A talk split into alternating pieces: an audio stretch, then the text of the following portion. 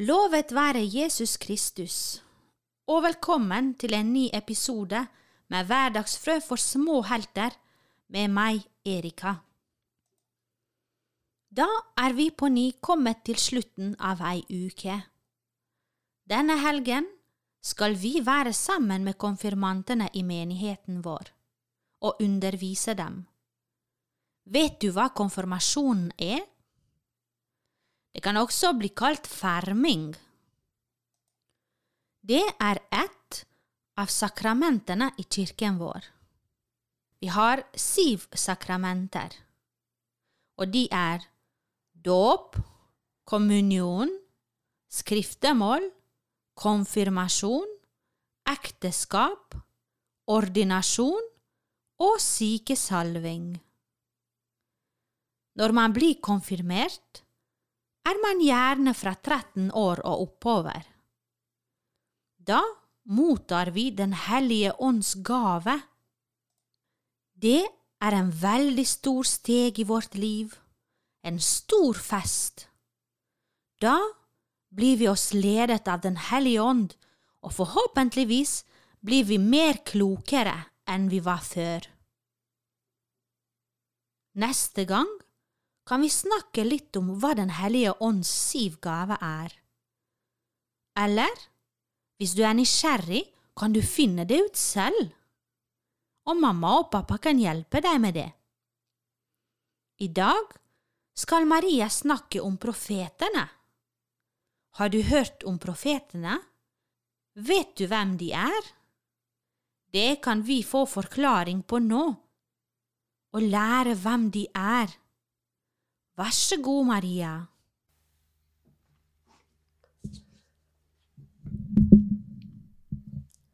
Hei, alle store og små. Da er det klart for dagens katekese her på Santa Rita Radio. Vi har for tiden om Faderen, slik vi hører om han i Bibelen. Jeg heter Camilla og jobber ved Kateketisk senter. Vi har tidligere hørt om at Faderen grunnla en egen nasjon på jorden, som han ville la seg selv inkarneres i som sin sønn, Jesus, som vi også kaller for menneskesønnen. Og gjennom Sønnen ville Gud føre hele menneskeslekten til frelse fra den katastrofen som var inntruffet, nemlig syndefallet. Gud tok godt vare på sin nasjon, israelsfolket. Han førte dem gjennom de vanskeligste tider.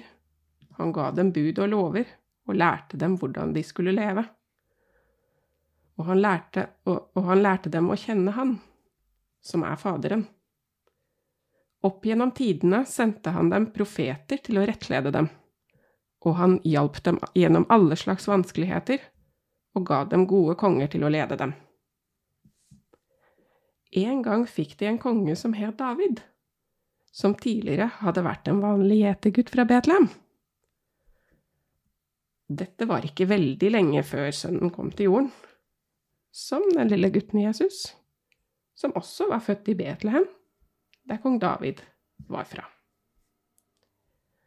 Kong David var en veldig god ung mann, men da han var blitt konge, gjorde han noe som var en stor synd og ondt i Guds øyne.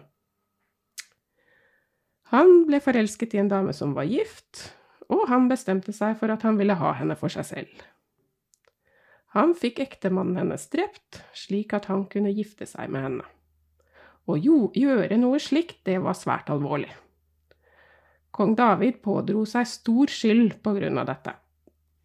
Gud ble veldig skuffet over kong David og sint på ham for det. Men David innså snart, etter at han, mist, han og kona hadde mistet et barn, hvor galt det han hadde gjort, var.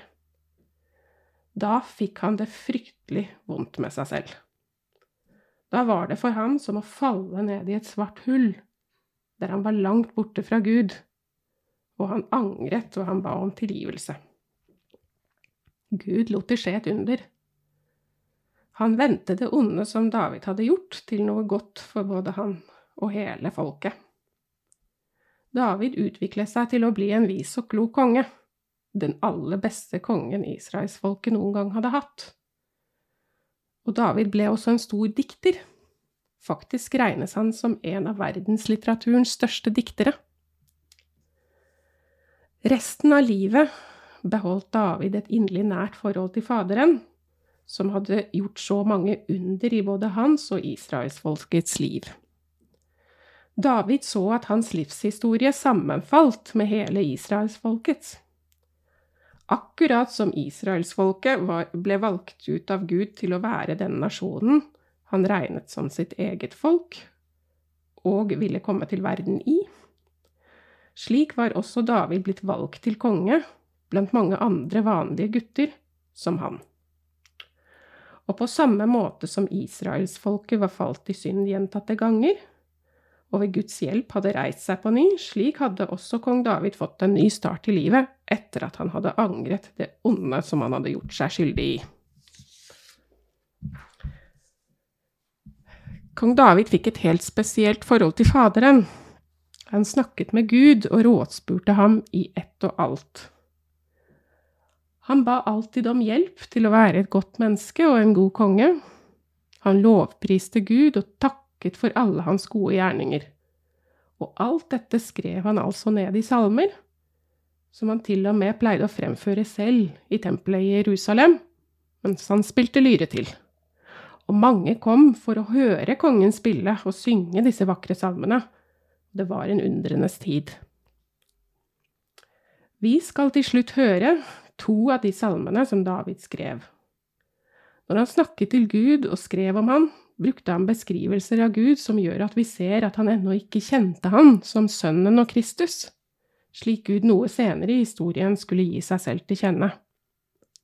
David kalte Gud for slike navn som Herren, kongen sin og vennen sin, men de egenskapene og kjennetegnene han beskriver at Gud har, gjør at vi allerede her kan kjenne igjen Jesus Kristus som person. For han, han som senere skulle fødes som menneskesønnen, er den samme Gud som Faderen i treenigheten. Og nå skal vi høre Salme 30. Jeg lover og priser deg, Herre, for du dro meg opp fra dypet. Du lot ikke fiendene triumfere over meg. Herre min Gud, jeg ropte til deg, og du helbredet meg. Herre, fra dødsriket førte du meg opp. Du ga meg liv og reddet meg fra graven. Spill for Herren, dere hans fromme, og lovsyng hans hellige navn. Et øyeblikk varer hans vrede, hans nåde varer livet ut. Om kvelden kommer gråt som gjest, om morgenen blir det frydesang. Jeg kjente meg trygg og tenkte, aldri i evighet skal jeg vakle. Herre, i din nåde satte du meg på fast fjell. Men så skjulte du ditt ansikt, og jeg ble grepet av redsel. Herre, da ropte jeg til deg. Inderlig ba jeg til min Gud. Hva gagner det at jeg må dø, at jeg må gå i graven? Kan vel støvet prise deg, kan det forkynne din trofasthet? Hør meg, Herre, vær meg nådig. Herre, kom meg til hjelp. Du vendte min sorg og klage til dans. Du løste mine sørgeklær og hyllet meg i gledens drakt. Derfor vil jeg av hele min sjel synge om deg og aldri tie. Jeg takker deg evig, Herre min Gud. Salme 40 Jeg ventet og håpet på Herren. Han bøyde seg til meg og hørte mitt rop. Han dro meg opp av fordervelsens grav, opp av den dype gjørmen. Han satte mine føtter på fjell og lot meg gå med faste skritt. Han la i min munn en ny sang, en lovsang for vår Gud. Mange skal se det og frykte og sette sin lit til Herren. Salig er den mann som stoler på Herren, og ikke holder seg til de stolte, til dem som faller fra i løgn. Herre min Gud, mange under har du gjort, og mange tanker har du til vårt beste. Ingen kan måle seg med deg. Jeg vil fortale og fortelle om dem. Er de så mange at de ikke kan telles? Slaktoffer og gave bryr du deg ikke om. Du har åpnet mitt øre. Brennoffer og syndoffer krever du ikke. Da sa jeg, Se, her kommer jeg. I bokrullen er det skrevet om meg. Å gjøre din vilje, Gud, er min lyst. Jeg har din lov i mitt hjerte. Jeg forkynte budskapet om frelsen i den store forsamling. Jeg lukket ikke mine lepper. Herre, det vet jo du. Din rettferd holder jeg ikke for meg selv. Jeg talte om din troskap og frelse. Din miskunn og sannhet forkynte jeg i den store forsamling. Herre, du vil ikke ta din barmhjertighet fra meg. Din miskunn og din sannhet skal stadig verne meg. For jeg er omgitt av talløse trengsler. Mine misgjerninger tar meg igjen. Jeg kan ikke lenger løfte blikket. De er flere enn hårene på mitt hode. Motet har sviktet meg. Vis meg velvilje, Herre, og fri meg ut. Skynd deg å hjelpe meg, Herre, La alle som står meg etter livet, bli til spott og spe. La dem som ønsker å ødelegge meg, trekke seg tilbake med vanære. De som håner meg og roper ha-ha, skal stivne av skrekk og skam. Men la alle som søker deg, fryde og glede seg i deg. La dem som elsker din frelse, alltid si, Stor er Herren. Jeg er hjelpeløs og fattig, men Herren har omsorg for meg. Du er min hjelper og redningsmann. Drøy ikke lenger, min Gud. Slik lyder Herrens ord. Tenk å være en profet. Det må være veldig spesielt å føle at har en stor oppdrag fra Gud. Freddy, han lærer også om sakramentene nå. Husker du hva han gjorde sist? Pater Sigurd, kan du lese videre for oss? Femte kapittel En ørliten edderkopp Domkirken var enorm. Mye større enn kapellet mitt og Brødrenes kirke. Bak sto skriftestolene. Sideveggene var dekket av bilder med episoder fra de siste timene av Jesu liv. Jeg visste at de ble kalt for eh, Korsveien, og at man kunne be ved hvert bilde.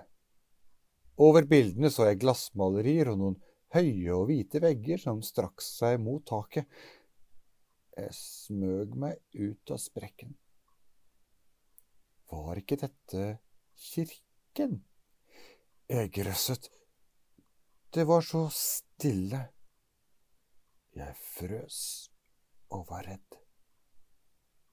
Jeg så ikke Jordan og Kjaka noe sted, ikke søster Agathe og jentungen heller.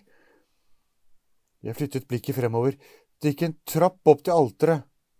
Koret, mumlet jeg for meg selv, for jeg hadde hørt at området rundt alteret het det koret.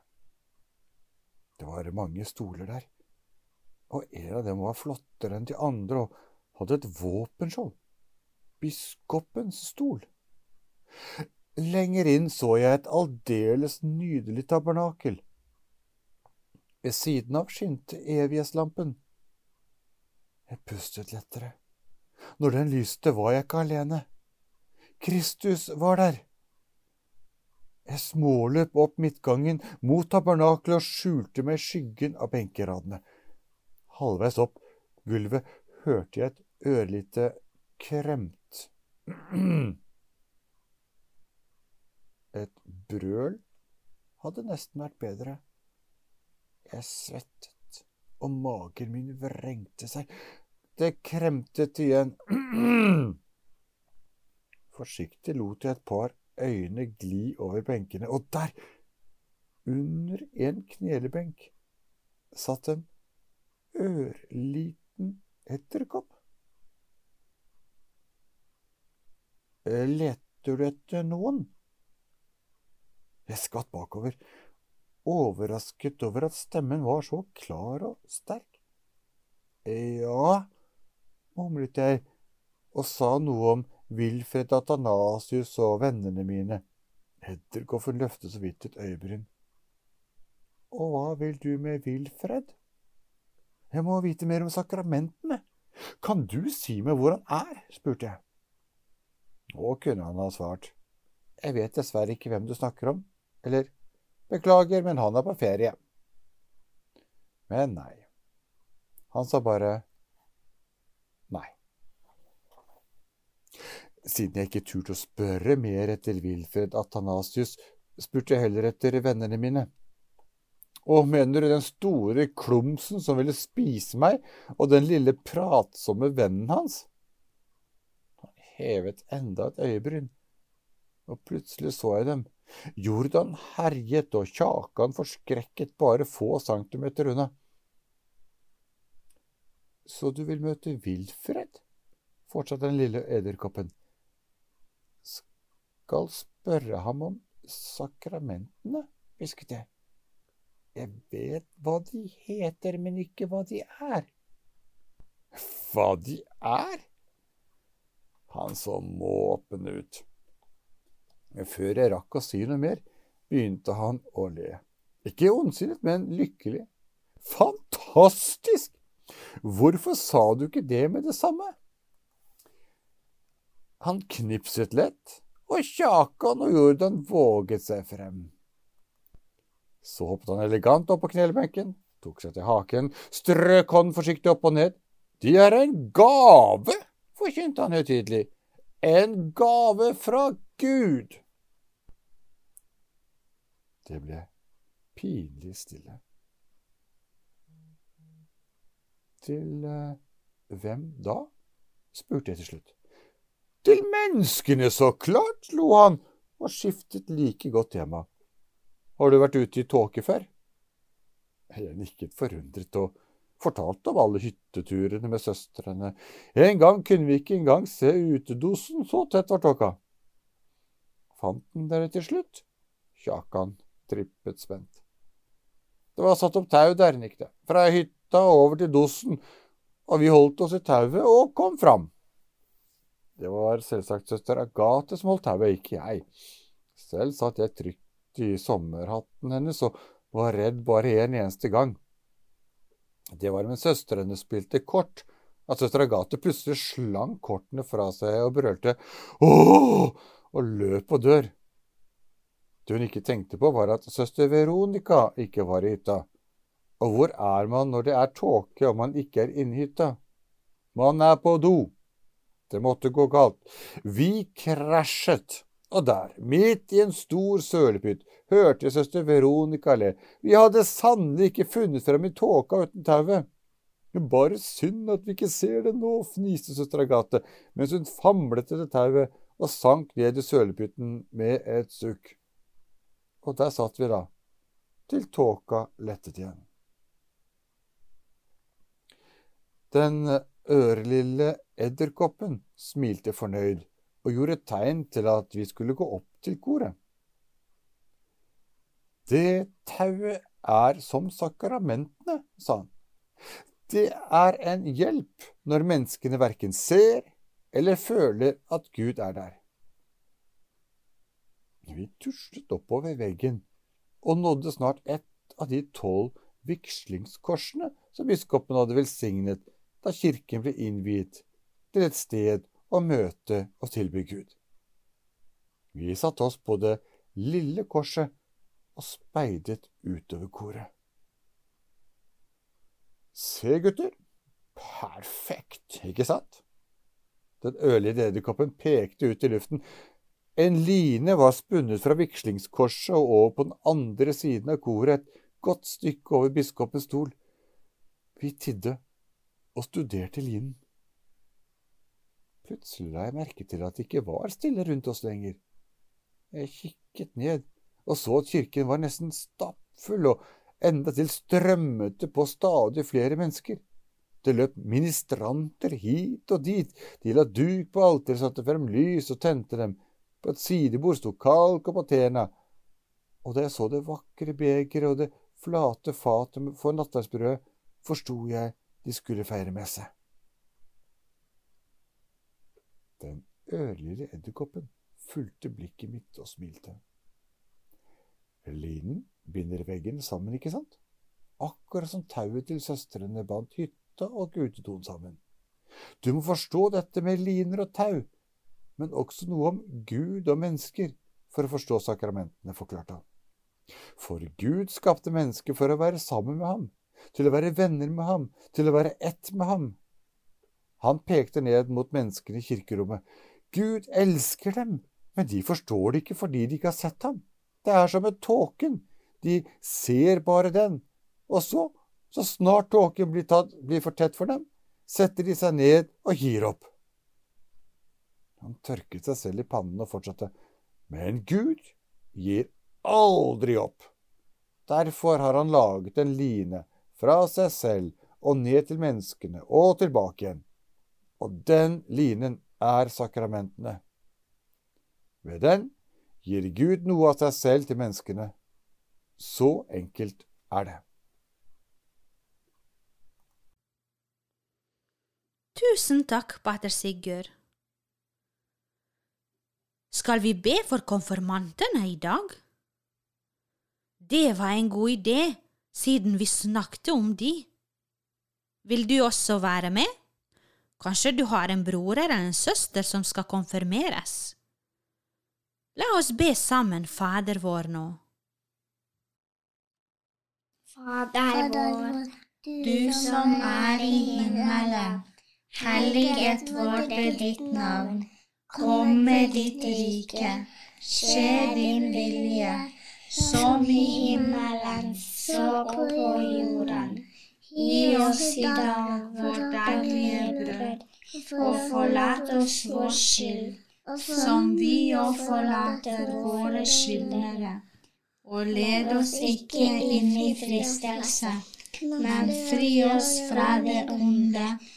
Amen. Takk for denne stunden. Så høres vi snart igjen i neste episode. Følg med, og vær nysgjerrig på Gud, og lær mer om ham. Ha det!